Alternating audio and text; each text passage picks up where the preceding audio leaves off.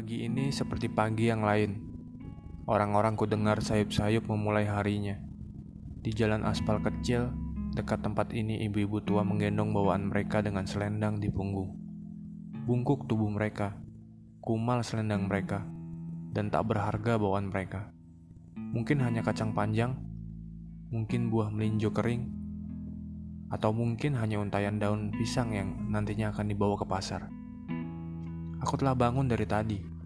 Ketika ibu-ibu tua dan siang memulai harinya, aku pun memulai hariku. Bukan hari yang cerah buatku. Kupandangi atap di atas, kotor, dan digelayuti sarang laba-laba. Pikiranku tidak ke mana-mana. Mataku menatap kosong, tetapi hatiku telah terbang, melanglang tinggi, dan turun di sebuah memori. Aku resah Kuhela nafas, kubangunkan tubuh ini untuk sholat subuh. Namun dadaku masih terasa berat meskipun setelah menghadap Allah, kembali kubaringkan tubuh ini. Atap itu masih tetap sama. Akankah ini selesai sampai di sini, pikirku? Akankah sejarah ini akan berakhir hanya sekian? Ataukah aku bisa berbuat sesuatu agar cerita ini terus berjalan? Dan masih tetap aku bisa menikmatinya. Ku ambil HP murahku, ku SMS seseorang, Ku tulis jam berapa nanti mulainya.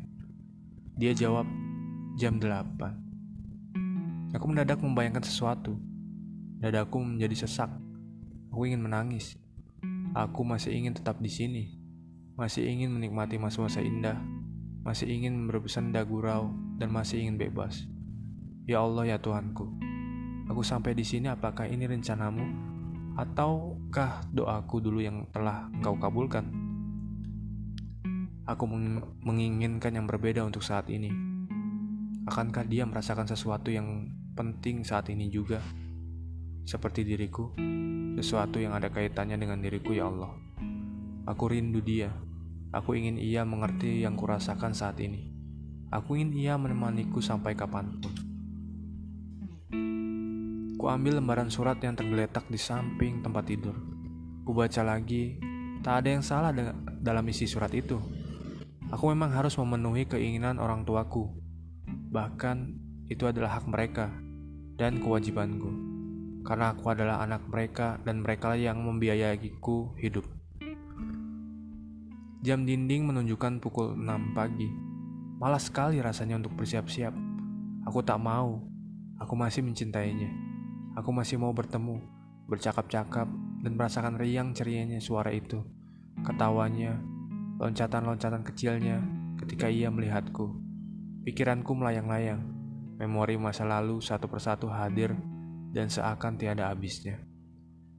Begitu banyak hal untuk diingat dan telah mengendap dalam rasa.